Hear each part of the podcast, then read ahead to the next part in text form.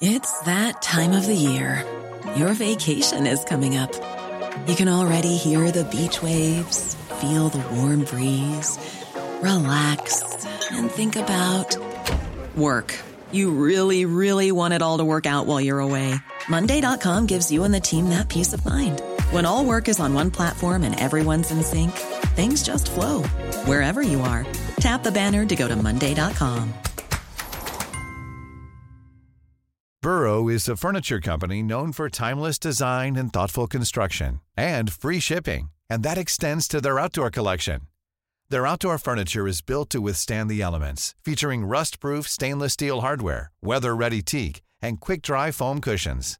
For Memorial Day, get 15% off your Burrow purchase at burrow.com slash ACAST and up to 25% off outdoor.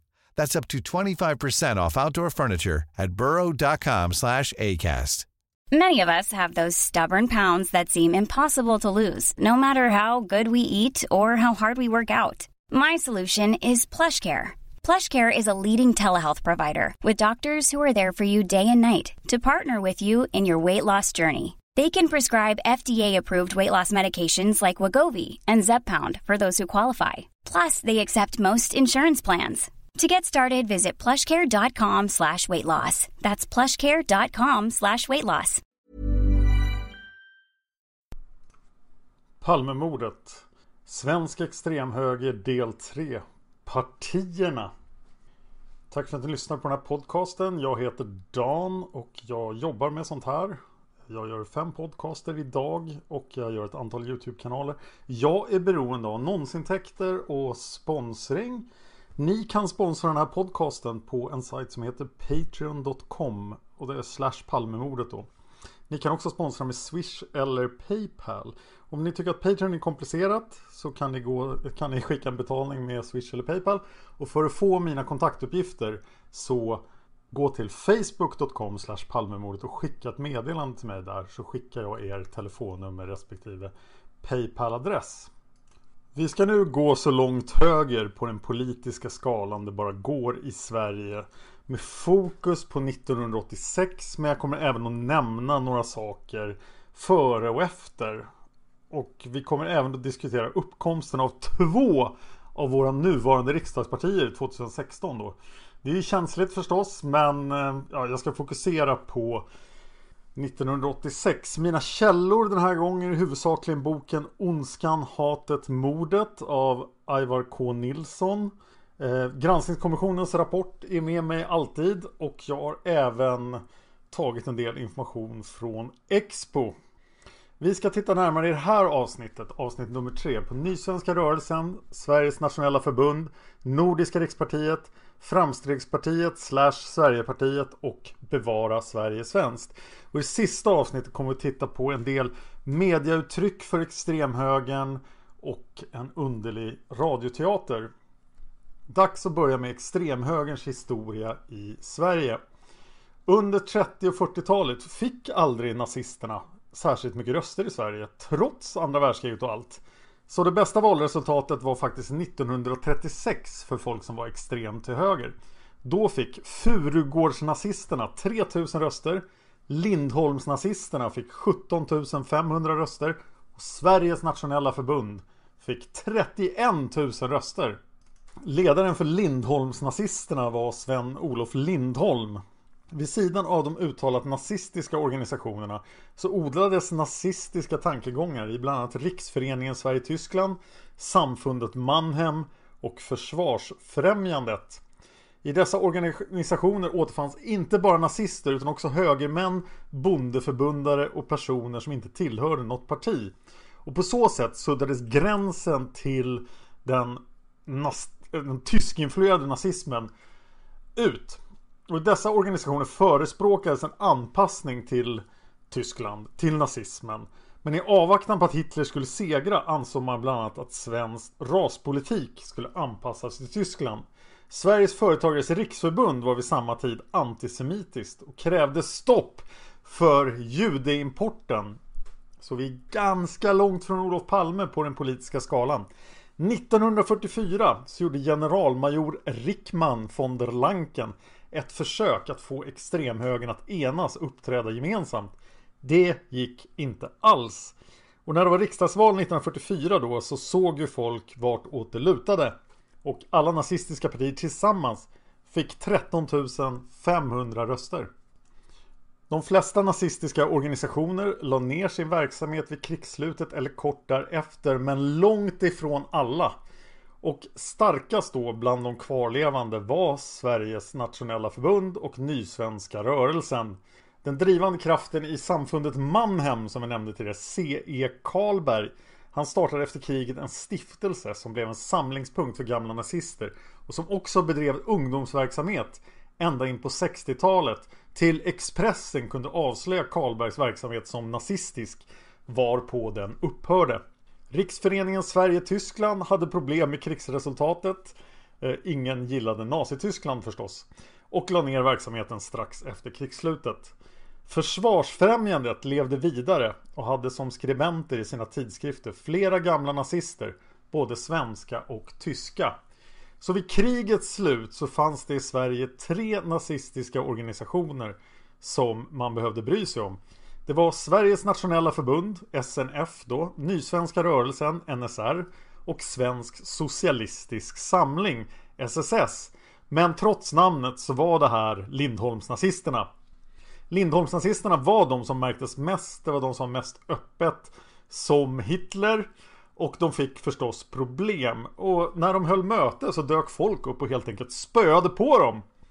Så att SSS la ner sin verksamhet 1950.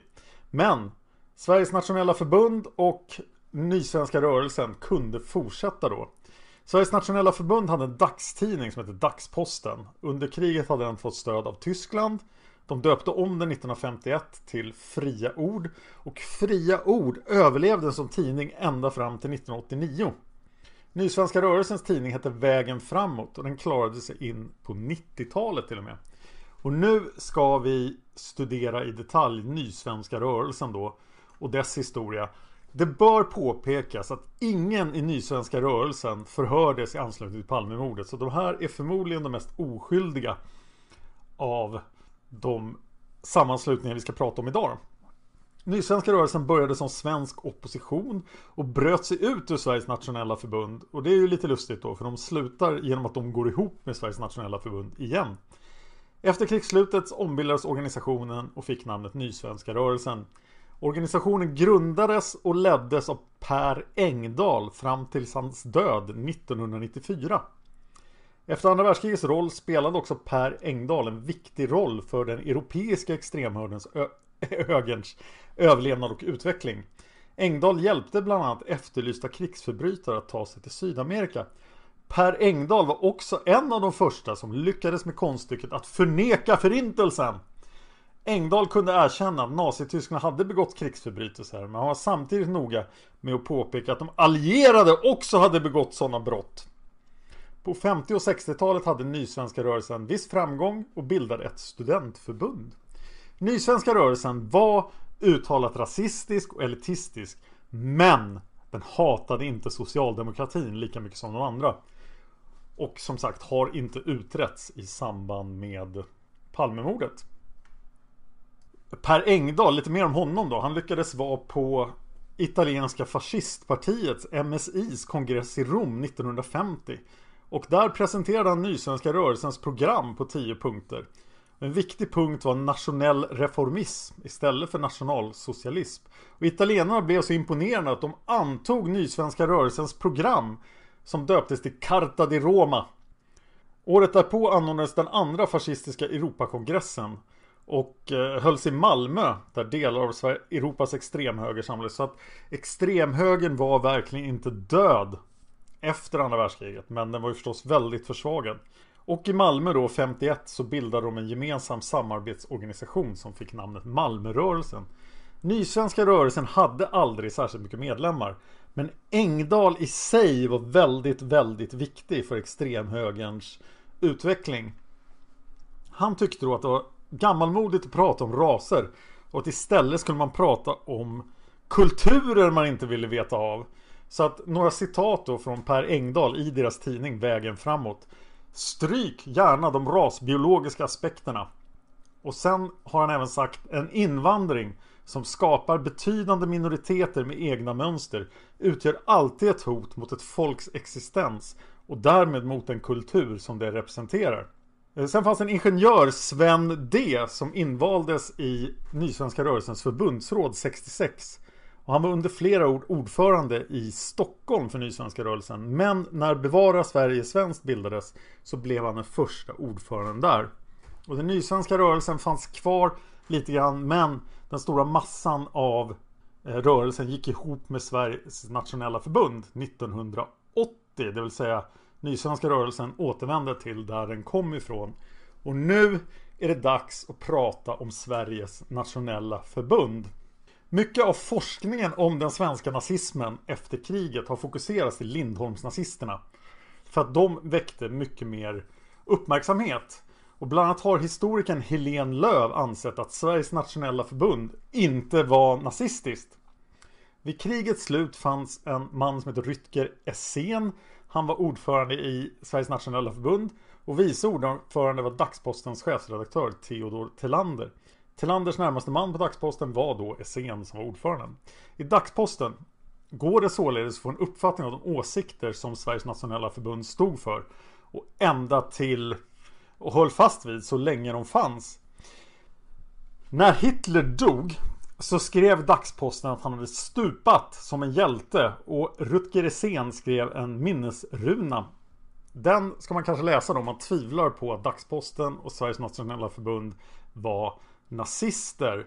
Eh, C.E. Karlberg då skrev en dikt som publicerades i Dagsposten några dagar senare om just Hitlers död där han sa Germanens rike föll med ära och ut ur gruset växa ska hans lära och inge nya släkter ädelt mod. Ty genom mörker framåt ljuset går vi och en dag alla ångerköpta står vi kring nu bespottad Hitler är stod. Eh, jag tror jag fick versmåttet fel där, men ni fattar. Eh, Sveriges nationella förbunds tidnings Dagsposten då förnekade judeutrotningen och följdes av tidningen Fria Ord. Den här tidningen gick inte särskilt bra ekonomiskt. Och Rickman von der Lanken då, han som hade försökt enat Sveriges nazister 1944, han engagerade sig för tidningens fortbestånd. Och han skrev till major Svante Paulsson på Rottneros och begärde att få adresser till storpampar i svenska näringslivet. Det här är 1948. Och i sitt brev till eh, Sveriges Industriförbunds ordförande så ifrågasatte von der Lanken om judeutrotningen ägt rum och framhöll att genom Tysklands krossande hade kommunismen fått fritt spelrum i Europa. Han ville ha pengar till tidningen och ville att svensk industri skulle använda tidningen som annonsorgan. Danielsson svarade och hänvisade till Näringslivets fond. Och det är oklart om Dagsposten fick några pengar men händelsen visar att Industriförbundets ordförande i kampen mot socialdemokratin mot socialdemokratin inte var främmande att stödja en nazisttidning. Hey, it's Danny Pellegrino from Everything Iconic. Ready to upgrade your style game without blowing your budget? Check out Quince. They've got all the good stuff, shirts and polos, activewear and fine leather goods, all at 50 to 80% less than other high-end brands. And the best part? They're all about safe, ethical and responsible manufacturing. Get that luxury vibe without the luxury price tag. Hit up quince.com slash upgrade for free shipping and 365 day returns on your next order. That's quince.com slash upgrade. Here's a cool fact. A crocodile can't stick out its tongue. Another cool fact, you can get short-term health insurance for a month or just under a year in some states. United Healthcare short term insurance plans are designed for people who are between jobs, coming off their parents' plan, or turning a side hustle into a full time gig. Underwritten by Golden Rule Insurance Company, they offer flexible, budget friendly coverage with access to a nationwide network of doctors and hospitals. Get more cool facts about United Healthcare short term plans at uh1.com. Burrow's Furniture is built for the way you live.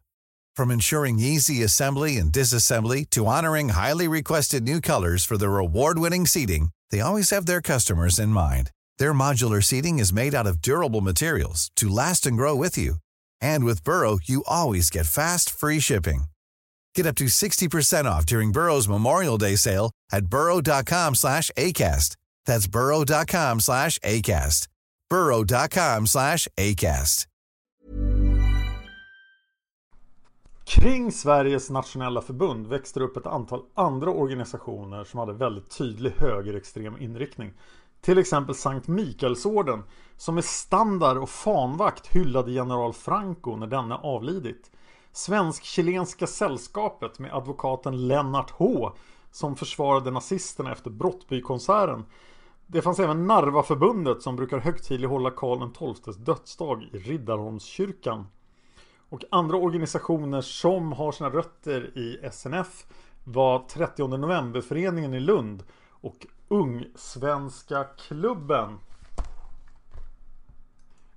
Tidningen Fria Ord fortsatte och så sent som i mitten av 80-talet, alltså vid tiden för Palmemordet, så förnekade tidningen fortfarande att judeutrotning hade, åkt, eh, hade ägt rum överhuvudtaget.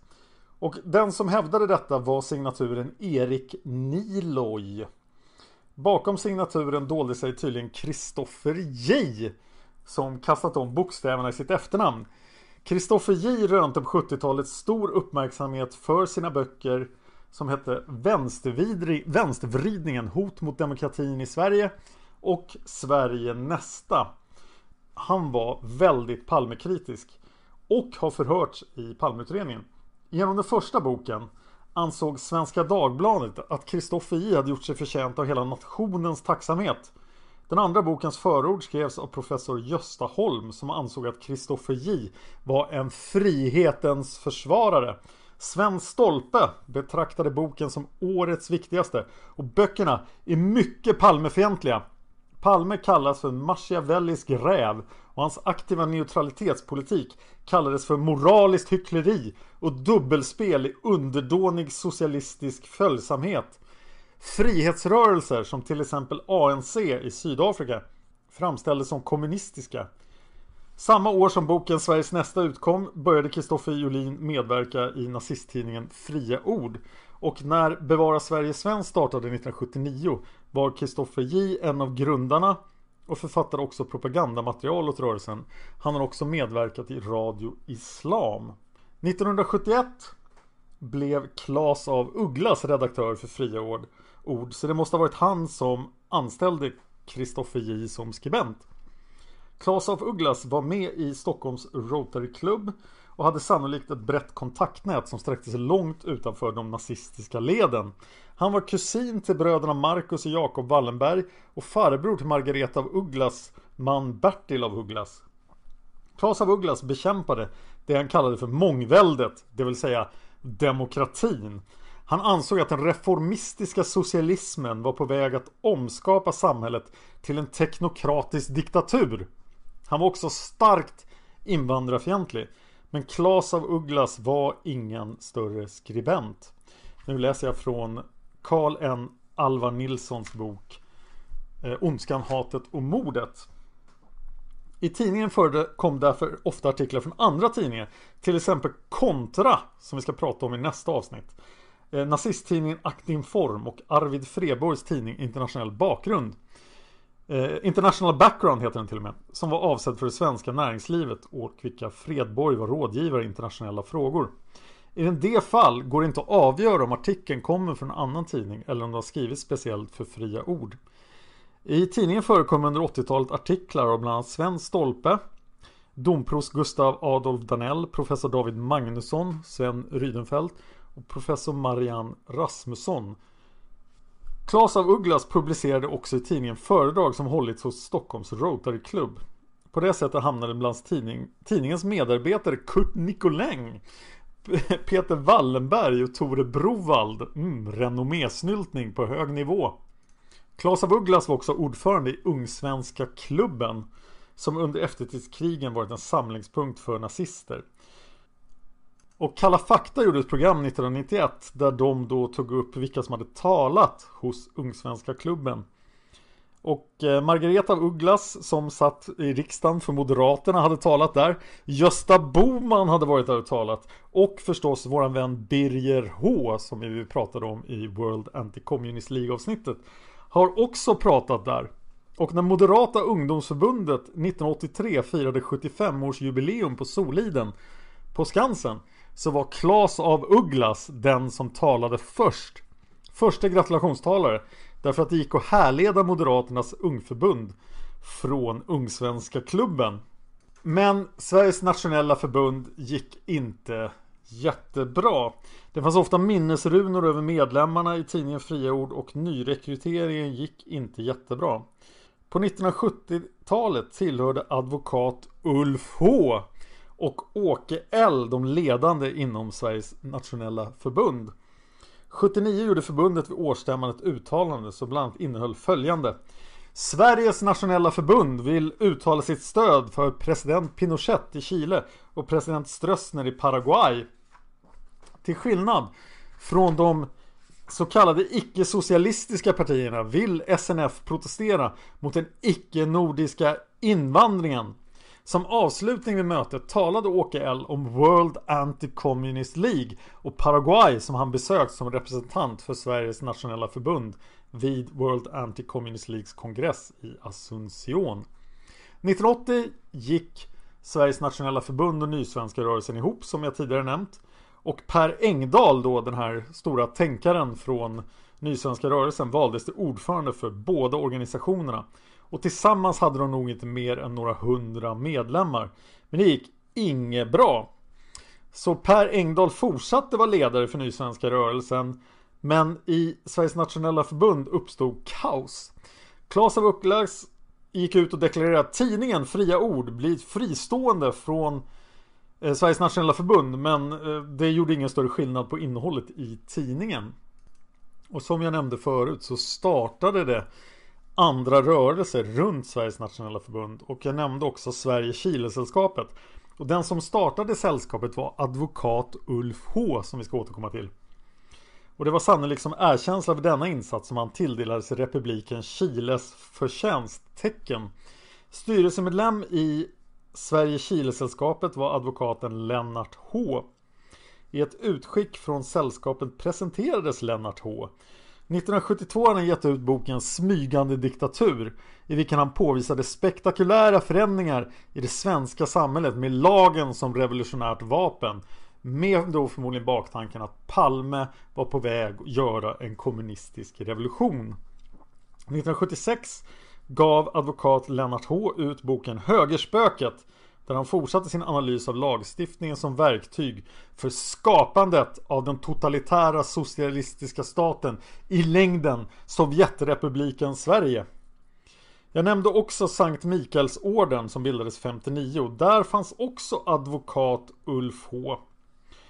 Och eh, i mitten av 60-talet skrev då Expressen avslöjande artiklar om Sankt Mikaelsorden för Sankt Mikaelsorden hade haft inflytande på Kristdemokratisk Samlings partiprogram. För det var ju då ett helt nybildat parti. Och på Kristdemokratisk Samlings riksdagslista. Enligt Expressen sysslade Sankt Mikaelsorden med bland annat moralisk upprustning, MRA. Ja, det lät väl oklart vad det var. Kyrklig samling. Och det fanns 140 läkare som på 60-talet protesterade mot det moraliska förfallet. Och av dem fanns det en tidigare Lindholmsnazist, Åke Berglund. En annan organisation som hade anknytning till Sveriges nationella förbund var Klara Lidingö frivilliga befälsutbildning. Föreningens verksamhet togs upp i programmet Striptease den 5 maj 93 och den 24 april 96. Då fanns det en Werner Örn som hade varit ordförande i Sveriges nationella förbund. Han var hedersledamot i Klara Lidingö frivilliga befälsutbildningsförening tillsammans med ingen mindre än farbror Åke som vi har nämnt en massa gånger tidigare. En annan hedersledamot var med i Sveriges Chilesällskapet. Föreningen hade blivit tillhåll för personer med högerextrem och nazistisk bakgrund. Och farbror Åke hade en historia som Lindholms nazist. Han var lite för ung för att vara en riktig Lindholms-nazist men han har varit med i deras ungdomsorganisation Nordisk ungdom. Och sen var han då lärare i psykologi vid Polishögskolan som jag nämnt och där hade han ett väldigt inflytande över unga poliser som hade högerextrema åsikter. Mer om det i polisspåret. Men farbror Åke var också ordförande i Nordiska krigs och FN-veteranförbundet Nordiska krigs och FN-veteranförbundet ansökte 1982 om medlemskap i World Anti-Communist League. Och som vi pratade om tidigare så var ju farbror Åke på World Anti-Communist Leagues konferens 1978. Farbror Åke var också vidare verksam i Baltiska kommittén tillsammans med den moderata riksdagsmannen Birger H då som var ordförande. Men det har vi ju pratat om. Allt det här kändes ju intressant för Palmeutredningen när Olof Palme hade mördats. Så Sveriges nationella förbund har granskats och det är speciellt några individer då. Så att avsnittet Sveriges nationella förbund består av några enstaka uppslag. Eh, det finns ett flertal tips från våren 1986 om advokat Ulf H. Där den utpekas som nazist. Och juli 1986 så förhör Palmeutredningen Ulf H i hans bostad. Förhöret, förhöret genomfördes av Säpo och dokumenterades i en promemoria. Ulf H berättade bland annat följande. Han var tjänsteförrättande ordförande i Sveriges nationella förbund. Sveriges nationella förbund ville avskaffa demokratin och införa det slags kungavälde som fungerade före 1914. Och det här är intressant. Det här är inte vad jag skulle vilja säga till Säkerhetspolisen när de kommer för mig. Men det var ju för sig kända fakta så han kanske bara la korten på bordet och tänkte Nu ska jag berätta för Säpo vad som gäller. Men Ulf H kände inte till vem som kunde ligga bakom mordet på Olof Palme. Han låg och sov när hans dotter ringde honom den 1 mars klockan 02.30. Hon ringde för att kontrollera att han var hemma och hade alibi för mordet, det vill säga hans egen dotter misstänkte honom för mordet. Men Ulf H sa också till Säkerhetspolisen att han ansåg att Sveriges nationella förbund borde samla in pengar och ge belöning till gärningsmannen för vad han hade gjort. Och en medlem i Sveriges nationella förbund hade redan tidigare utfäst en belöning på 10 000 dollar till den som mördade Olof Palme. I promemorian kan man också läsa att Säpomännen blev ganska uttråkade av Ulf H och sa att han synes vilja briljera och imponera på sin omgivning. Han påstod exempelvis att biskopen Desmond Tutu hade besökt honom i hans bostad i Stockholm. Han skröt med sina förbindelser med Chile och visade upp sin orden han hade fått. Han hade också mycket litteratur i bostaden och Säpo sa det ser ut att vara mest äldre böcker, vad de nu menade med det. I augusti 1986 kontaktade journalisten Lennart H Palmeutredningen och berättade följande. En kvinna hade sökt upp honom. Hon hade berättat att en annan kvinna hade sagt att Ulf H på något sätt var inblandad i mordet på Olof Palme och att en belöning hade betalats ut för mordet samt att Ulf H kände 33-åringen. Och det känns inte alls omöjligt att han gjorde det. Jag känns som att Ulf H fanns i Viktor G, 33-åringens adressbok. Oj, vi ska göra ett helt avsnitt om den adressboken. Jag önskar hitta en förteckning vilka som står där, men det är tydligen fortfarande hemligt. I en handling upprättad av Säkerhetspolisen i augusti 1986 sägs att Ulf H har hörts igen i anledning av olika tips. Inget har dock framkommit som tydde på att han haft med mordet att göra. Men i november 87 så kontaktar en anonym person Palmeutredningen per telefon och berättar följande. Strax före mordet på Olof Palme hade Ulf H i sin bostad ett möte med inbjudna gäster från Österrike och Sydamerika. Det vill säga World Anti-Communist League-personer. Vid mötet avhandlades hur Olof Palme skulle elimineras. Olof Palme mördades för att invandrarna skulle få skulden för mordet. Och det lyckades ju bra med Holmers samarbete.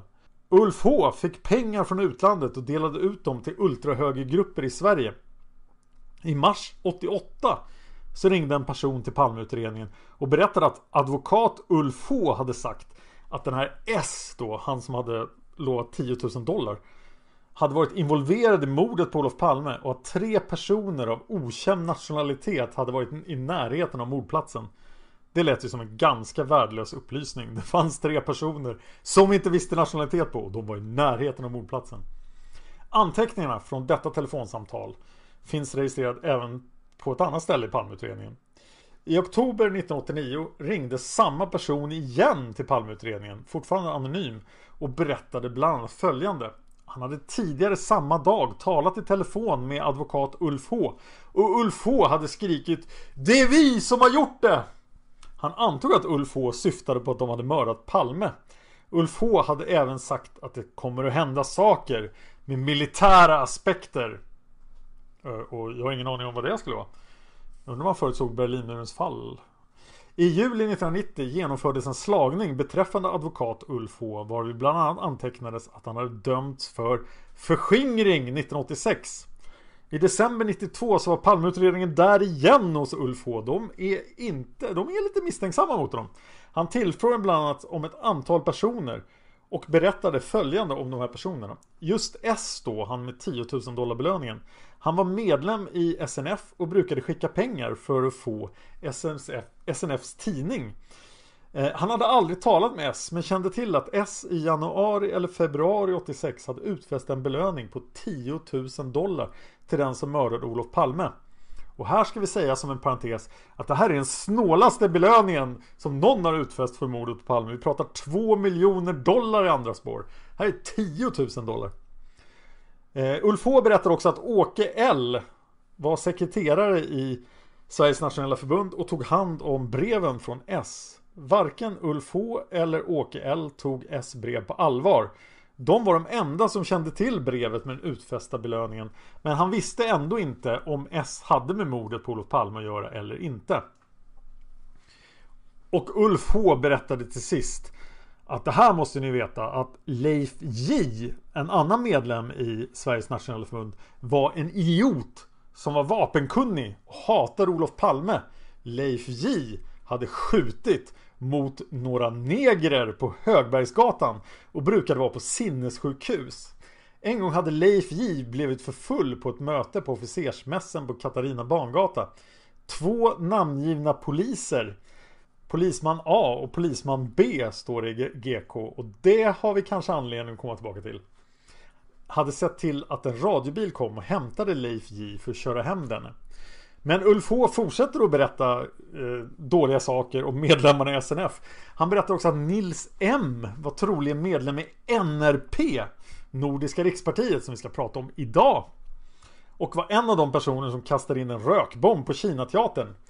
Ulf H hade varit försvarare för en medtilltalad till Nils M. Kom ihåg, Ulf H var ju advokat. Och hade därefter endast sporadiskt stött ihop med Nils M. Ulf H kände också Lars H väldigt väl. Lars H var medlem i SNF och kunde inte ha mördat Palme. Men ändå kommer Lars H tillbaka flera gånger i dagens avsnitt. Uh, Ulf H hade genom Sveriges nationella förbund haft kontakt med Tor H, Erik B och Jan Ö. Ulf H trodde att de här tre hade haft förutsättningar för att få mordet på Olof Palme utfört. Men de skulle emellertid ha avslöjat sig efter dådet. För Tor H, han hade bombhotat högtidligheten när Nobels fredspris skulle utdelas och åkte fast enbart på grund av att han hade skrytit om det efteråt. Jan Ö hade gjort sig skyldig till ett sprängattentat mot en moské i Oslo men kunde inte hålla tyst om det utan dömdes till fängelse i fem år. Sen berättade Ulf H att det enda sambandet mellan Sveriges nationella förbund och Alf E var denne prenumererade på nationell tidning. Alf E ska vi ägna minst ett avsnitt åt. Han finns som ett eget spår på patreon.com palmemordet för han är en väldigt fascinerande person. Men han hade alltså inget vidare samband med Sveriges nationella förbund. Sveriges nationella förbund ansåg enligt Ulf H att det var nödvändigt att Palme kom bort och han sörjde inte fanskapet. Det finns en anteckning i Palmeutredningen i december 93 att Ulf H avled i mars 93. I december 92 bestämdes Palmeutredningen för en slagning på Leif J Därvid antecknades bland annat följande. Olaga vapeninnehav, vapen med kaliber 22. Olaga hot 1985, hotat att spränga synagoga. Men det framgår inte om Leif J har dömts för dessa gärningar. Samma månad, i december 92, förhördes Leif J av Palmeutredningen och han uppgav bland annat följande. Han hade tidigare missbrukat alkohol och tabletter och vid ett tillfälle hade han varit hemma hos en kamrat, Kjell S. Och då fått med sig ett vapen när han skulle gå och handla mat. Han kom sedan och hotade bland annat en taxichaufför och omhändertogs av polis. Han lyckades alltså inte gå och handla mat utan att hota en taxichaufför med det här vapnet. Han hamnade på Långbro sjukhus. Detta var anledningen till att han fanns i polisens register med anteckning om olaga vapeninnehav och olaga hot. Han var medlem i Sveriges nationella förbund 78 till 84. Eh, Sveriges nationella förbunds möten hölls endast hemma hos Ulf H berättade Leif J då. Ingen i Sveriges nationella förbund enligt Leif J sympatiserar med Olof Palme och Socialdemokraternas åsikter. Några direkta hot mot Olof Palme förekom emellertid inte vid de möten han hade varit på. Eh, Vera O hade utnämnt honom till riksledare i Nordiska rikspartiet. Vi kommer tillbaka till Vera. Titeln innebär dock inte att han har någon ledande funktion utan var endast en titel. Den 28 februari och den 1 mars 1986 var Leif J ensam hemma i sin bostad. Han led av epilepsi och höll sig ofta hemma eftersom han var rädd att få anfall. Han var vid tiden från förhöret avgiftad från alkohol och förde en lugn tillvaro utan eh, partipolitiskt engagemang. I december 1992 så bestämde sig PU för att förhöra vårdaren Lars H. Och det här Lars H har vi nämnt tidigare i avsnittet. Det var också han som sades ha varit på Alva Myrdals eh, minneshögtid tillsammans med Anders Larsson i avsnitt 1 i den här serien. Eh, Lars H var alltså anställd vid Allmänna häktet Stockholm i Rikskriminalens lokaler. Han hade troligtvis fått vid ett besök hemma hos Ulf H fått höra om vissa brev som kommit från någon person som han inte kände till. Han kunde inte komma ihåg om breven kom från S, 10 000 dollars mannen då. Eh, Lars H hade aldrig varit medlem i Sveriges nationella förbund. Den 28 februari 1986 var han ensam i sin bostad och fick inte någon vetskap om mordet förrän på morgonen därpå. Det vill säga som resten av svenska folket. Den 2 mars 86, bara två dagar efter mordet, eller en dag efter mordet, ringde en anonym kvinna till Palmeutredningen och tipsade att Tor H var en högerextremist. Och det här var alltså Tor H då som Ulf H nämnde tidigare i det här avsnittet. Det är många, många namn här. Jag hoppas ni klarar av det. Den anonyma kvinnan säger att Tor H var en högerextremist och att han har suttit i fängelse i Norge för bombhot mot biskopen. Precis som Ulf H sa då.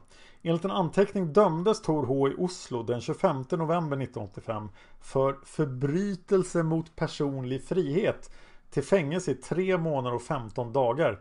I en promemoria från Säpo i februari 93 finns bland annat följande anteckningar om Tor H. Han förhördes den 18 augusti 1986 i Oslo av företrädare från Säpo. Han berättade då att han döms till fängelse åtta månader för bombhot mot Desmond Tutu när Nobels fredspris skulle delas ut i Oslo december 84. Han frigavs i december 85 och vistades i Stockholm fram till månadsskiftet mars-april 86 då han flyttade tillbaka till Norge. Under kvällen den 28 februari 1986 befann han sig hemma hos Vigdis S som var medlem i NRP, Nordiska rikspartiet, som vi snart kommer till, i Tyresö. De såg en film om Tredje riket på TV. Nästa dag omkring 10.30 kom Vigdis in i hans rum och berättade att Olof Palme hade mördats. Promemorian nämner också att Tor H har inte tilldragit sig Säkerhetspolisens intresse de senaste åren. Det här var ju från 92. Men i januari 95 så slår Palmeutredningen på Tor H igen men hittar ingenting intressant. I mars 1990 finns det en promemoria som handlar om Sveriges nationella förbund. Och där står att utredningen har fokuserats på Ulf H. Och där finns det ett förslag att den fortsatta utredningen borde göras med andra personer som är eller har varit knutna till organisationen. Och så skedde också. Det var det ni fick ta del av alldeles nyss då, de andra människorna. Nu ska vi lämna Sveriges nationella förbund och gå över till Nordiska rikspartiet. Karl N. Alva Nilsson, författaren av Ondskan, hatet, mordet. Det är boken jag rekommenderar i det här avsnittet för den innehöll väldigt mycket matnyttigheter om det här. Han är även journalist, har skrivit Expressen bland annat och skriver ofta just om högerextremism i Sverige. Han säger att 1952 bildades Sveriges nationella frihetsrörelse. Det var en efterföljare till SSS, alltså Lindholmsnazisterna. Och i denna rörelse började Göran Assar O sin politiska bana. Efter interna stridigheter startade 1956 en egen rörelse som fick namnet Nordisk kamp, Sveriges nationalsocialistiska kampförbund. Och den här rörelsen bytte senare namn till Nordiska rikspartiet, NRP. Och det skedde 61 namnbytet då. Eh, Göran Assar O hade tidigare varit aktiv då inom den här Lindomrörelsen. Och medan Nysvenska rörelsen och eh, Sveriges nationella förbund inte, inte ville bli kallade nazister så var NRP stolta över att vara nazister. Partiet försökte aldrig dölja att de var både antisemiter och att de föraktade demokrati. Även om Nordiska rikspartiet aldrig lyckades samla några större mängder medlemmar har partiet en historisk betydelse för de förde nazismens idéer vidare. Den 14 april 1960 så var det fest. För då skulle NRP fira, eller massa folk med högerextrema åsikter skulle fira den nazistiska kultfiguren den finlandsfrivillige soldaten Gösta Hallberg Kula. Och eh, Göran Assar O gick dit då. Och efter ceremonierna vid graven från krigsveteranen så var det eftermöte på Bellevue-terrassen. Det var ingen efterfest, det var ett eftermöte för där fanns det föredrag. Och bland talarna fanns Vera Lindholm. Vera hade tidigare varit gift med nazistledaren Sven-Olof Lindholm då, han som var så berömd under kriget. Och Göran Assar O, han blev väldigt imponerad. Vera Lindholm gick med i Nordiska rikspartiet. Och tycke uppstod och Göran Assar O och Vera gifte sig. Så nu, sen blev Vera Vera O då. Och i hennes memoarer kan man läsa att hennes flickdröm var att gifta sig med en riktig fyrer. 1975 när Göran Assar O skrev sina memoarer så fick Vera O rycka in som partiledare och hon blev Sveriges första kvinnliga partiledare 1975. 1966 eh, när NLPs tidning Nordisk Kamp för att alla högerextremister måste ha en egen tidning. När den tidningen firade 10-årsjubileum var det fest igen och återigen var det folk som talade. Och en som talade på Nordisk Kamps 10-årsjubileum var Löjtnant Bertil, alltså legosoldaten Bertil. Många gånger misstänkt för att vara den som höll i vapnet som dödade Olof Palme. Han kommer vi att komma tillbaka till i Sydafrikaspåret men jag tror jag nämnt honom i varenda avsnitt här i Svensk Extremhöger. Ja, Lars H Fångvaktaren Han började också sin nazistiska bana i NRP och eh, fortsatte den i 30 novemberföreningen i Lund. Han hade även tillnamnet Fyren på häktet då eftersom han var fångvaktare. Aktivister från Nordiska rikspartiet gjorde sig skyldiga till en rad grova brott. Partiet bestämde sig för att upprätta stormtrupper som ett riktigt nazistiskt parti måste ha en gatumilis som kallades för Riksaktionsgruppen RAG. Och de här medlemmarna kastade bland annat in en brandbomb vid Sverigepremiären av Mel Brooks film Det våras för Hitler. Det var ju trippelironiskt tror jag faktiskt ifall ni har sett den. I mitten av 80-talet greps en rad RAG-aktivister i Göteborg för ett stort antal brott. Bland annat greps två av aktivisterna för mordet på en 56-årig homosexuell man. Från mitten av 80-talet trappade Nordiska rikspartiet ner sina aktiviteter. Men många av dagens nazistiska grupperingar är antingen sprungna ur eller inspirerade av NRP.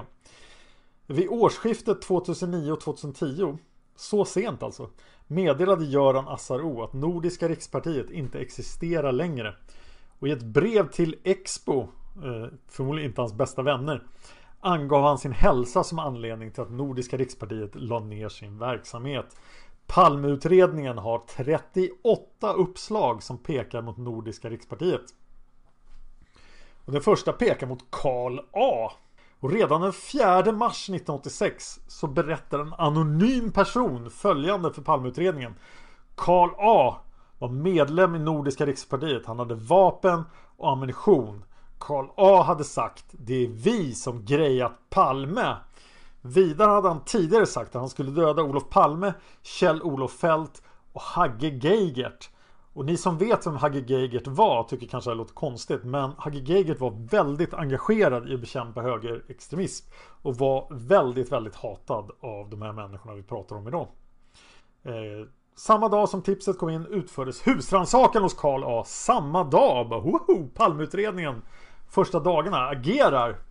De gjorde husrannsakan på Karl A's adress i Stockholm och också på hans care of-adress i en förort i Stockholm. Samma dag, jag är imponerad. I lägenheten i Stockholm fann man en revolver av äldre modell och en plastpåse med 57 patroner. Men det var 22 lång ammunition. Så att det var inte mordvapnet då. Vapnet och ammunitionen togs i beslag. Och så finns en anteckning från Säkerhetspolisen den 26 mars 1986 som anger att när de sökte igenom Karl A's lägenhet så fann de ingenting som kunde härledas till någon nazistisk rörelse. Och eh, Säkerhetspolisen tyckte inte att det fanns någon anledning att förhöra Karl A vidare. Men i mars 88 skriver också Säkerhetspolisen, förmodligen på fråga från Palmeutredningen då, att Karl A var inte känd i några nazistiska kretsar eller andra sammanhang som kunde förknippas med mordet på Olof Palme. Så här var alltså den här anonyma personen hade bara anmält Karl A. Han råkade ha lite vapen och otur för honom för sen hade han inga vapen. Nu kommer vi tillbaka till Leif J då. Den 4 mars berättade Knut B att han kände någon som hade skickat ett hotbrev till Olof Palme och undertecknat det med Knut B's namn. Samt att kriminalpolisen i Sundsvall visste vem det här var. Och i en promemoria upprättad av Säkerhetspolisen i juni 86 anges att Leif J hade förhörts den 12 mars 86 och att det går fort i början av Palmeutredningen. Leif J erkände att han sedan början 83 hade skickat hotbrev till Olof Palme och till Sveriges Radio. För det var de två saker han hatade mest i hela världen. Hotbreven undertecknades med andras namn, bland annat Knut B. Han hade retat sig på Knut B's alla insändare i Sundsvalls tidning i vilket denne försvarade socialdemokratin. Den 28 februari 1986 var Leif J hemma och tittade på TV. I promemorian finns det antecknat att Leif J var sjukpensionär och att han var lite smått alkoholiserad. Och enligt de som kände honom skulle han inte vara kapabel att mörda. Alltså om de som känner dig tror att du är kapabel att mörda, då ligger du risigt till. För de flesta får nog det svaret. Nästa person som Palmeutredningen undersökte var Timo S. Den 13 mars 1986 kontaktade en anonym person Palmeutredningen och berättade att Timo S var aktiv i Nordiska rikspartiet och han hade uttalat hot mot Olof Palme. Vidare hade Timo S för några år sedan åtalats och slängt in en rökbomb i biografen Kina och döms till fängelse sex månader för detta. Ja, det känner vi igen. Det våras för Hitler. Den 23 mars 1986 genomfördes en slagning beträffande Tim och S. Förmodligen för att ta reda på var han bodde. För nästa dag så förhörs han. Han berättar att han inte längre är aktiv i Nordiska rikspartiet samt att hans far begravdes den 28 februari 1986 och att han var tillsammans i familj och släkt hela dagen. Och vilken begravning pågår fram till 23.21 på kvällen? Det vill jag veta. I en promemoria upprättad av Säkerhetspolisen den 26 mars 1986 anges att Timo S vid flera tillfällen 72 till 74 hade gjort sig skyldig till skadegörelse. Han var bland annat en av dem som kastat en rökfackla i trapphuset i ett hus där Demokratisk Allians hade sina lokaler. Det vill säga Anders Larssons organisation som vi pratade om i avsnitt 1 av den här serien. 1974 var Tim och S ledare för en RAG-grupp, de här riksaktionsgrupperna, deras stormtrupper. I utredningsanteckningar från Säkerhetspolisen eh, från den 24 april 86 anges att det hos Säkerhetspolisen inte finns några anteckningar om Tim och S efter 74 och att församlingarna intygat att Tim och S far faktiskt jordfästes den 28 februari. Men det var inte slut på Nordiska rikspartipersoner här för nästa person som ska undersökas är Gustav V. I juni 87 upplyste Uppsala-polisen Palmeutredningen om att Gustav V var häktad i ett mål angående våldtäkt med mera. Och att denna hade berättat att han i informationssyfte hade skaffat papper från bland annat Nordiska rikspartiet. Vidare hade han gjort en skylt som det stod Skjut en sosse på.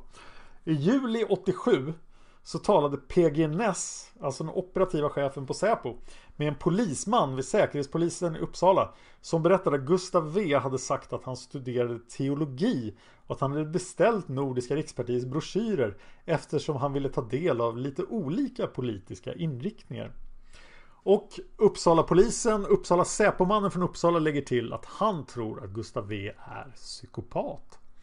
I december 94 genomfördes en slagning beträffande Gustav V.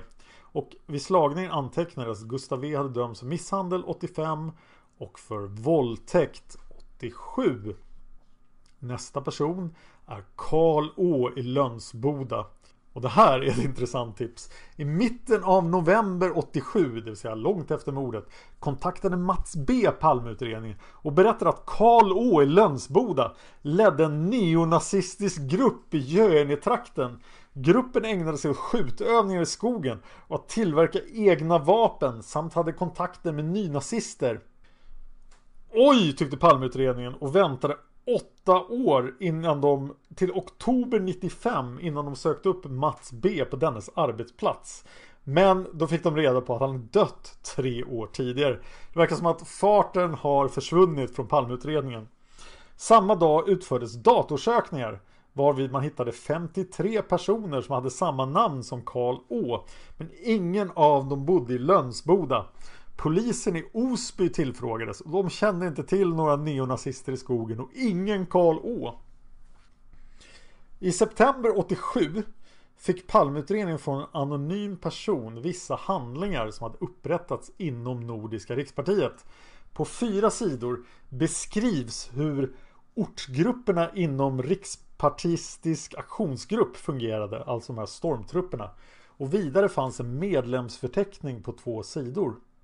Enligt en promemoria upprättad i oktober 87 var uppgifterna i dessa handlingar kända av Säpo sedan länge. Vidare anges att riksaktionsgruppernas riksledare Staffan V och några andra av de mest aktiva inom Nordiska rikspartiet hade slutat med det politiska livet efter att de avtjänat fängelsestraff 85-86. I februari 95 så fick Palmeutredningen ett tokryck och genomförde slagningar beträffande bland annat personer som funnits med på medlemsförteckningen, ungefär 20 personer. Några av dem hade dömts för mordbrand, misshandel, olaga hot respektive olaga vapeninnehav. I mars 90 upprättade Palmeutredningen kort promemoria om redovisning och förslag om Nordiska, eh, Nordiska rikspartiet. I promemorian uppges att avsnittet innehöll 33 uppslag vid den tidpunkten. Beträffande utredningen sägs att det saknas konkreta uppgifter som för Nordiska rikspartiet närmare mordet och mordplatsen. Under rubriken förslag framförs bedömningen att organisationen kan avskrivas. Därmed, däremot borde vi undersöka riksaktionsgruppen i Stockholm närmare innan avsnittet definitivt kan läggas till handlingar. Endast den som visar stor lojalitet och offervilja mot Nordiska rikspartiet under längre tid kan enligt promemorian bli medlem i en RAG-grupp. Och då är det dags för Bevara Sverige svenskt. Och jag tror det här ska bli ett kort avsnitt. Men jag drar iväg som vanligt. Ni, jag har ju frågat er. Hur långa avsnitt vill ni ha? Och de flesta svar jag fått säger ju längre avsnitt desto bättre. Och över en timme och så vidare. Så jag drar mig just nu inte för att göra långa avsnitt. Men om ni inte tycker om dem så säg ifrån. Jag reserverar mig rätten att gå ner under en halvtimme ibland om jag måste. Men jag gör gärna långa avsnitt till er. Så säg vad ni tycker. Säg det i kommentarerna på YouTube eller på Facebook-sidan facebook.com Palmemordet. Det är dags för Bevara Sverige svenskt. Ingenjör Sven D e, som hade då rötter i nysvenska rörelsen. Vi nämnde honom tidigare. Han blev Bevara Sverige svensk första ordförande. Bevara Sverige svensk startade 1979 av ett antal personer som tidigare hade varit aktiva i organisationer som NRP, Nysvenska rörelsen och Sveriges nationella förbund. Bevara Sverige svenskt var en kampanj och kampanjen var nyskapande för att den här drev bara en enda fråga. Bevara Sverige svenskt ville bara en enda sak. Motstånd mot invandring från länder utanför Europa. Och det låter ju märkligt för att var de okej okay med så greker och sånt? Två viktiga personer vid grundandet då förutom ingenjör Sven D var Leif Z och författaren Kristoffer J som vi ju redan har nämnt idag och vi nämnde honom under World Anti-Communist League också. Tidigare nämnde fångvaktaren Lars H sökte 1999 upp författaren till Ondskan, hatet, mordet. Eh, som jag nämnde då, Karl N. Ivar Nilsson. Och framförde klagomål på hans tidigare böcker då som han skrivit om svensk extremhöger. Och då berättade Lars H även att det var han som hade hittat på uttrycket bevara Sverige svenskt. Och att han var kompis med Kristoffer J. Och bevara Sverige svenskt var någonting som märktes väldigt mycket på 80-talet. Det fanns klottrat överallt BSS. Och det här var ju då flygblad som Bevara Sverige svenskt jobbade väldigt mycket med. Och jag tänkte att ni skulle få ta del av de här flygbladen lite grann då, för att det första flygbladet presenterade ett framtidsscenario om hur det skulle gå om det fanns massa invandring till Sverige. Så det här är från 80-talet då, eller till och med 79. För varje år blir svenskarna allt färre. Om, förra om fyra år så finns det inget svenskarna i Sverige. Med kanske en turk som diktator och en neger som utrikesminister. Folket blir då ett chokladbrunt blandfolk som inte talar svenska utan olika språk. Huller om buller. Men trots att det här scenariot inte blev verklighet på fyra år så fortsatte BSS sin kamp mot invandring. Kampanjen lyckades också med någonting som de tidigare organisationerna inte hade lyckats med. Sen andra världskriget nästan.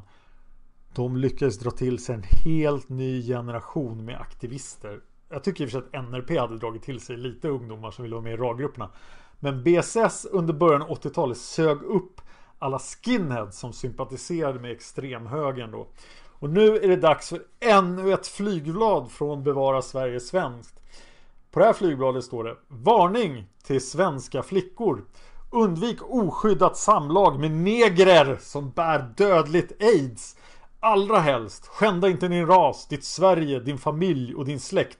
Gör abort endast i nödfall. Bevara Sverige svenskt. 1986 hade det gått så bra för Bevara Sverige svenskt att de startade ett parti tillsammans med det populistiska Framstegspartiets Stockholmsavdelning. Och vi ska prata om Framstegspartiet idag. Partinamnet blev Sverigepartiet. Sammanslagningen gick inte alls bra och 1988 så startade BSS-falangen ett eget parti. Och vad det partiet heter ska vi återkomma till i slutet av avsnittet. Det kan här vara värt att nämna att det betydligt våldsammare vitt ariskt motstånd, VAM, fanns inte vid Palmemordet utan det bildades 1991. Palmeutredningen hade då ögon på Bevara Sverige svenskt och Eh, den 7 mars 1986 så ringde en anonym man till Palmeutredningen och sa att fantombilden det var ju fångvaktaren Lars H som bodde i Nyköping. Och det var tillräckligt för att förhöra Lars H. För den 13 mars 86 så förhörs Lars H på polisstationen i Nyköping. Och han berättar att den 20 januari 86 började han studera vid Stockholms universitet. Han pendlade mellan hemmet och Nyköping och universitetet. Den 28 februari 86 var han på universitetet till omkring klockan 12.45. Därefter tog han tunnelbanan till Bandhagen och var hemma hos en bekant, författaren Kristoffer J. När han var hos Kristoffer J ringde Lars H två telefonsamtal till Leif Z, en ledare inom BSS. De kom överens att träffas senare under kvällen. Klockan 21.50 tar Lars H tunnelbanan från Bandhagen in mot stan. Men han hoppar av på Södermalm. För han går till BSS lokal på Södermalm. Och träffar Leif Z där omkring klockan 22.30. Det vill säga när Palme fortfarande är kvar på bion. De två var tillsammans i BSS lokal till ungefär klockan 01.00. När Leif Z lämnade lokalen. Så de är alltså varandras alibi. Eh, Lars H övernattade i lokalen och morgonen därpå ringde Leif Z och talade om att Olof Palme hade mördats. Lars H satte sig på bussen och åkte tillbaka till Nyköping för han hade ju inte någonting med mordet på Olof Palme att göra. Den 21 maj 86, alltså två månader senare, förhörs Leif Z. Och han sa då att han hade redan blivit förhörd av två polismän men det finns det alltså ingen anteckning om i Palmeutredningen. De hade kommit hem till honom och bland annat frågat vad han gjorde på kvällen den 28 februari 86. Leif Z var styrelseledamot i BSS Lars H var också med i BSS men inte i styrelsen. Och Leif Z och Lars H brukade träffas ibland enligt Leif Z. De träffades i BSS lokal på kvällen den 28 februari omkring klockan 21 till 22. Han kom inte ihåg om Lars H hade ringt till honom tidigare under kvällen. Men Leif Z säger att han var kvar i lokalen till omkring midnatt och gick sedan hem. Han visste inte vad Lars H gjorde sen och det var definitivt inte uteslutet att Lars H sov i lokalen den lilla fräckisen. Lokalen låg på Södermannagatan och Leif Z kände väl till Kristoffer J. Han var en från BCS fristående författare som BCS hade haft vissa kontakter med. Det tyckte Palmeutredningen var tillräckligt spännande för att samma dag förhöra Kristoffer J. Så de hade förmodligen bestämt sig om det redan. Kristoffer J sa att han lärt känna Lars H genom Leif Z. Den 28 februari 86 hade Lars H gjort sig ledig och for hem till Kristoffer J. Och de var tillsammans hela dagen. På kvällen åt de en bit hemma hos honom och pratade och lyssnade på musik. Han skjutsade Lars H till Högdalens tunnelbanestation omkring 21.30. Sen åkte han tillbaka till sin bostad. Han hade efteråt hört att Lars H hade tagit tunnelbanan till stan och besökt Leif Z i BSS lokaler. Så att de här historierna stämmer ju rätt bra med varandra. I april 91 satt någon på Palmeutredningen och klurade och gjorde slagningar på de här tre personerna. Lars H, Leif Z, Kristoffer J. Och februari 92 så bestämmer sig Palmeutredningen för att förhöra en Gunnar. Gunnar var fastighetsförvaltare hos bostadsrättsföreningen som hade hyrt ut lokalen på Södermannagatan till Leif Z. Han sa att det hade förekommit klagomål från andra hyresgäster eftersom ungdomar med rakade huvuden och nazistflaggor brukade samlas vid lokalen på lördagar och söndagar. Föreningen började misstänka att man hade fått en högerextremistisk organisation som hyresgäst. Normally, being a little extra might be a bit much, but not when it comes to healthcare. That's why United Healthcare's Health Protector Guard fixed indemnity insurance plans, underwritten by Golden Rule Insurance Company, supplement your primary plan so you manage out of pocket costs. Learn more at uh1.com. Hi, I'm Daniel, founder of Pretty Litter. Did you know cats tend to hide symptoms of sickness and pain? I learned this the hard way after losing my cat, Gingy. So I created Pretty Litter, a health monitoring litter that helps detect early signs of illness by changing colors, saving you money and potentially your cat's life. Pretty Litter is veterinarian developed, and it's the easiest way to keep tabs on your fur baby's health right at home. Go to prettylitter.com and use code ACAST for 20% off your first order and a free cat toy. Terms and conditions apply. See site for details. Planning for your next trip? Elevate your travel style with Quince. Quince has all the jet setting essentials you'll want for your next getaway, like European linen, premium luggage options, buttery soft Italian leather bags, and so much more. And is all priced at 50 to 80% less than similar brands. Plus, Quince only works with factories that use safe and ethical manufacturing practices. Pack your bags with high-quality essentials you'll be wearing for vacations to come with Quince. Go to quince.com/pack for free shipping and 365-day returns. Han kunde inte minnas han gjort några särskilda iakttagelser beträffande lokalen den 28 februari 86. Leif Z hyrde lokalen från och med 1 april 84 till och med 30 september 87. Det finns även fler uppslag om Leif Z i Palmeutredningen men inget av dem bedömer granskningskommissionen som intressant. Då är det dags att prata om Framstegspartiet som bytte namn till Sverigepartiet. Så Framstegspartiet och Sverigepartiet är samma sak. Eh, nej, inte riktigt. Men vi berättar historien istället. Från mitten av 60-talet till mitten av 90-talet så minskade de gamla styrkorna, alltså Nysvenska rörelsen och Sveriges nationella förbund stadigt. Och ja, idag, eller på 90-talet var de avsomnade. Samtidigt har det emellertid tillkommit ett antal andra rörelser och partier med hemvist på högerkanten. Inte sällan återfinns i dessa organisationer personer som tillhör, tidigare har tillhört Sveriges nationella förbund och Nysvenska rörelsen. Kristdemokratisk samling bildades 1964 och lockade då till sig ett antal nazister och efter valet fick partiet göra en nazistutrensning. Bland annat sparkade man specialläraren Werner Örn, ledare för Narvaförbundet. Framstegspartiet uppstod som ett svenskt högerpopulistiskt missnöjesparti som bildades 1968 ur resterna av Medborgerlig Samling och Samling för Framsteg. Och det var ett försök till borgerlig samverkan med eh, huvudsakliga basen i Skåne. Och när Framstegspartiet bildades så tittade de på Framskrittspartiet och i Norge och Framskrittspartiet i Danmark. Så att det här var inte Den här rörelsen hade inte sina rötter i nazismen. Utan hade ganska goda förutsatser i början då. Partiet grundades under ledning av den före detta riksdagsmannen Bertil Rubin som tidigare hade varit centerpartist. Målsättningen var till i början att ställa upp en bred satsning inför lokalvalen 1970. Men på grund av brist på finansiering så blev den faktiska satsningen tämligen blygsam och partiet kom liksom aldrig riktigt någon vart. Men trots allt lyckades man ta vissa lokala mandat och en del lokalavdelningar fortsatte sin verksamhet. Exempelvis i Motala, i Bjuv och i Stockholm. Och i Stockholm leddes det hela av en Stefan H som är intressant för Palmeutredningen. Partiorganisationen blev dock aldrig stabil och plågades av interna stridigheter och avhopp. Partiet drev huvudsakligen frågor som skattesänkning och krav på billigare sprit. Men från och med 80-talets början blev invandringsfrågan allt viktigare och i synnerhet Stockholmsavdelningen med Stefan H gjorde sig känd för kritiska ståndpunkter. Det här är alltså mycket mer ett missnöjesparti som går över till att vara främlingsfientligt. Precis som Ny Demokrati gjorde senare i princip. Detta ledde till spänningar inom partiet och vilket slutade med att gruppen kring Herman klev av då och slog ihop sig med BSS och bildade Sverigepartiet 86. Återstoden av Framstegpartiet samlade sig inför valet 85 kring Tony Wiklander.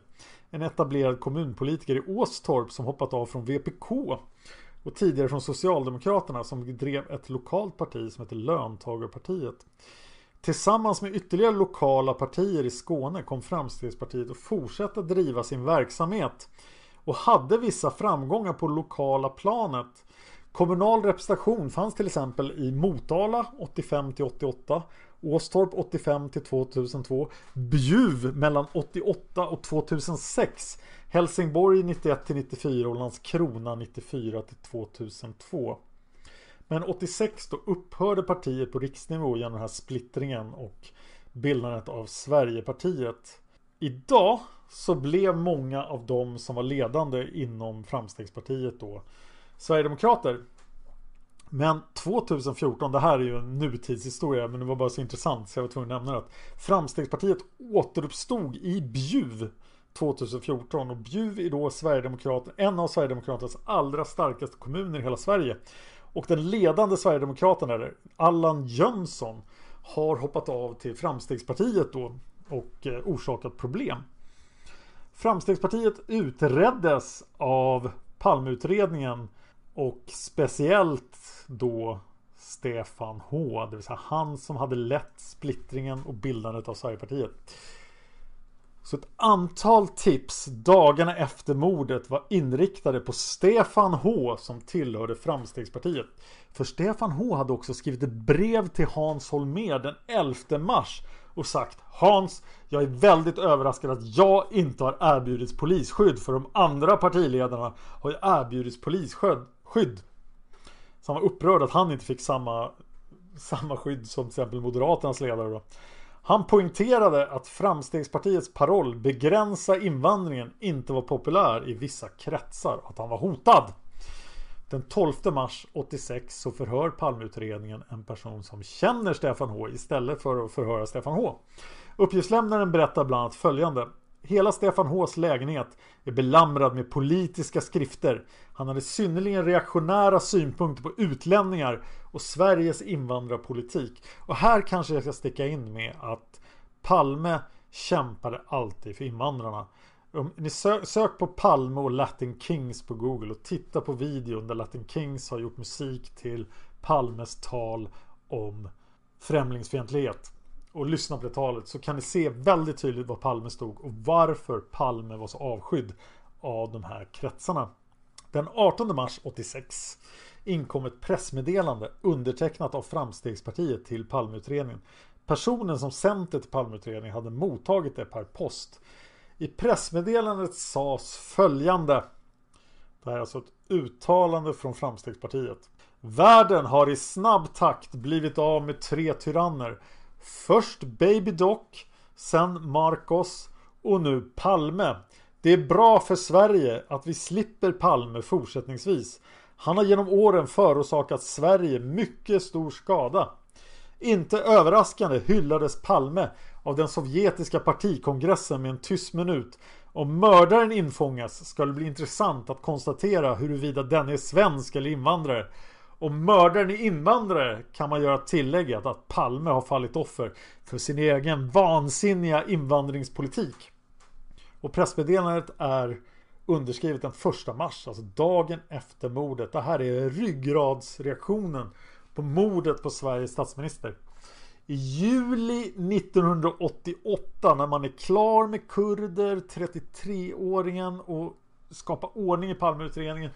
Två år och fem månader efter mordet så förhörs Stefan H. Han berättar följande.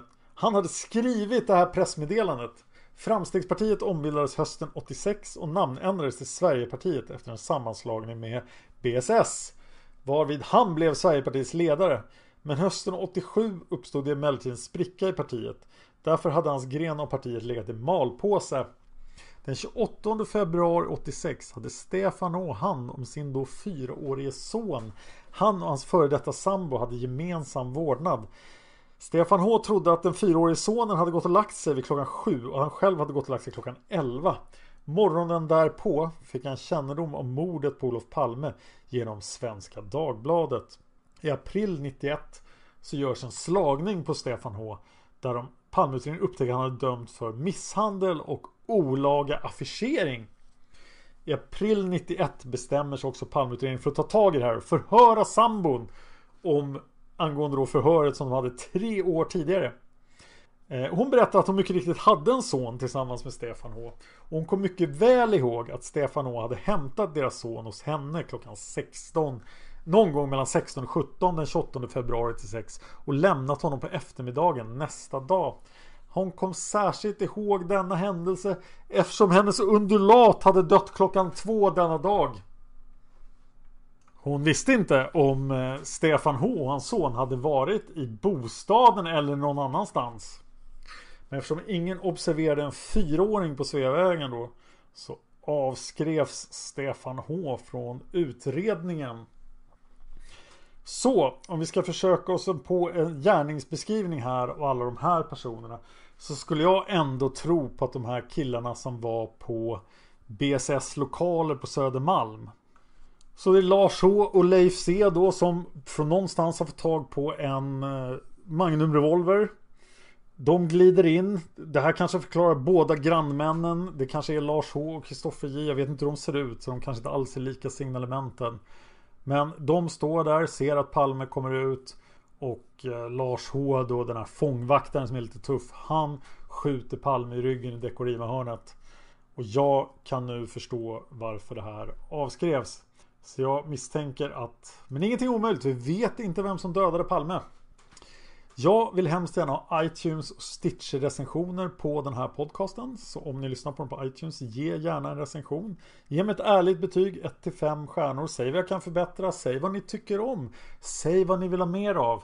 Ni kan också hänga på eh, YouTube. Sök på Palmemordet där så finns det en kanal som heter det. Ni kan nå mig på Twitter på Dan Horning. Och i nästa avsnitt då ska vi avsluta svensk extremhöger. Jag kan nu avslöja, vilket jag vanligtvis bara gör på Facebook, vad nästa serie avsnitt blir. Patreon.com Palmemordet har nått fram till biografen Grand. Vi ska gå till botten med Grandmannen. Och jag kan inte säga hur många avsnitt det här blir. Men det blir så många avsnitt det behöver bli. För att vi ska veta allting om vad som hände vid biografen Grand. Det som Hans mer fullständigt struntade i. Men vi har ett avsnitt kvar om eh, svensk extremhöger. Och då ska vi prata om bland annat om tidningen Kontra. Om den kontroversiella boken Sverige du förskingrade. Vi ska prata om Teatersällskapet. Vi ska även titta lite på Försvarsfrämjandet, Operation Sverige och Öppet Forum. Tack för att ni lyssnar på Palmemordet. Om ni inte, om ni inte klarar av att Game of Thrones har slutat så kan ni också lyssna på min Game of Thrones podcast. Den finns på Game of Thrones Chat, alltså C-H-A-T. Finns på YouTube, finns på iTunes, dock på engelska.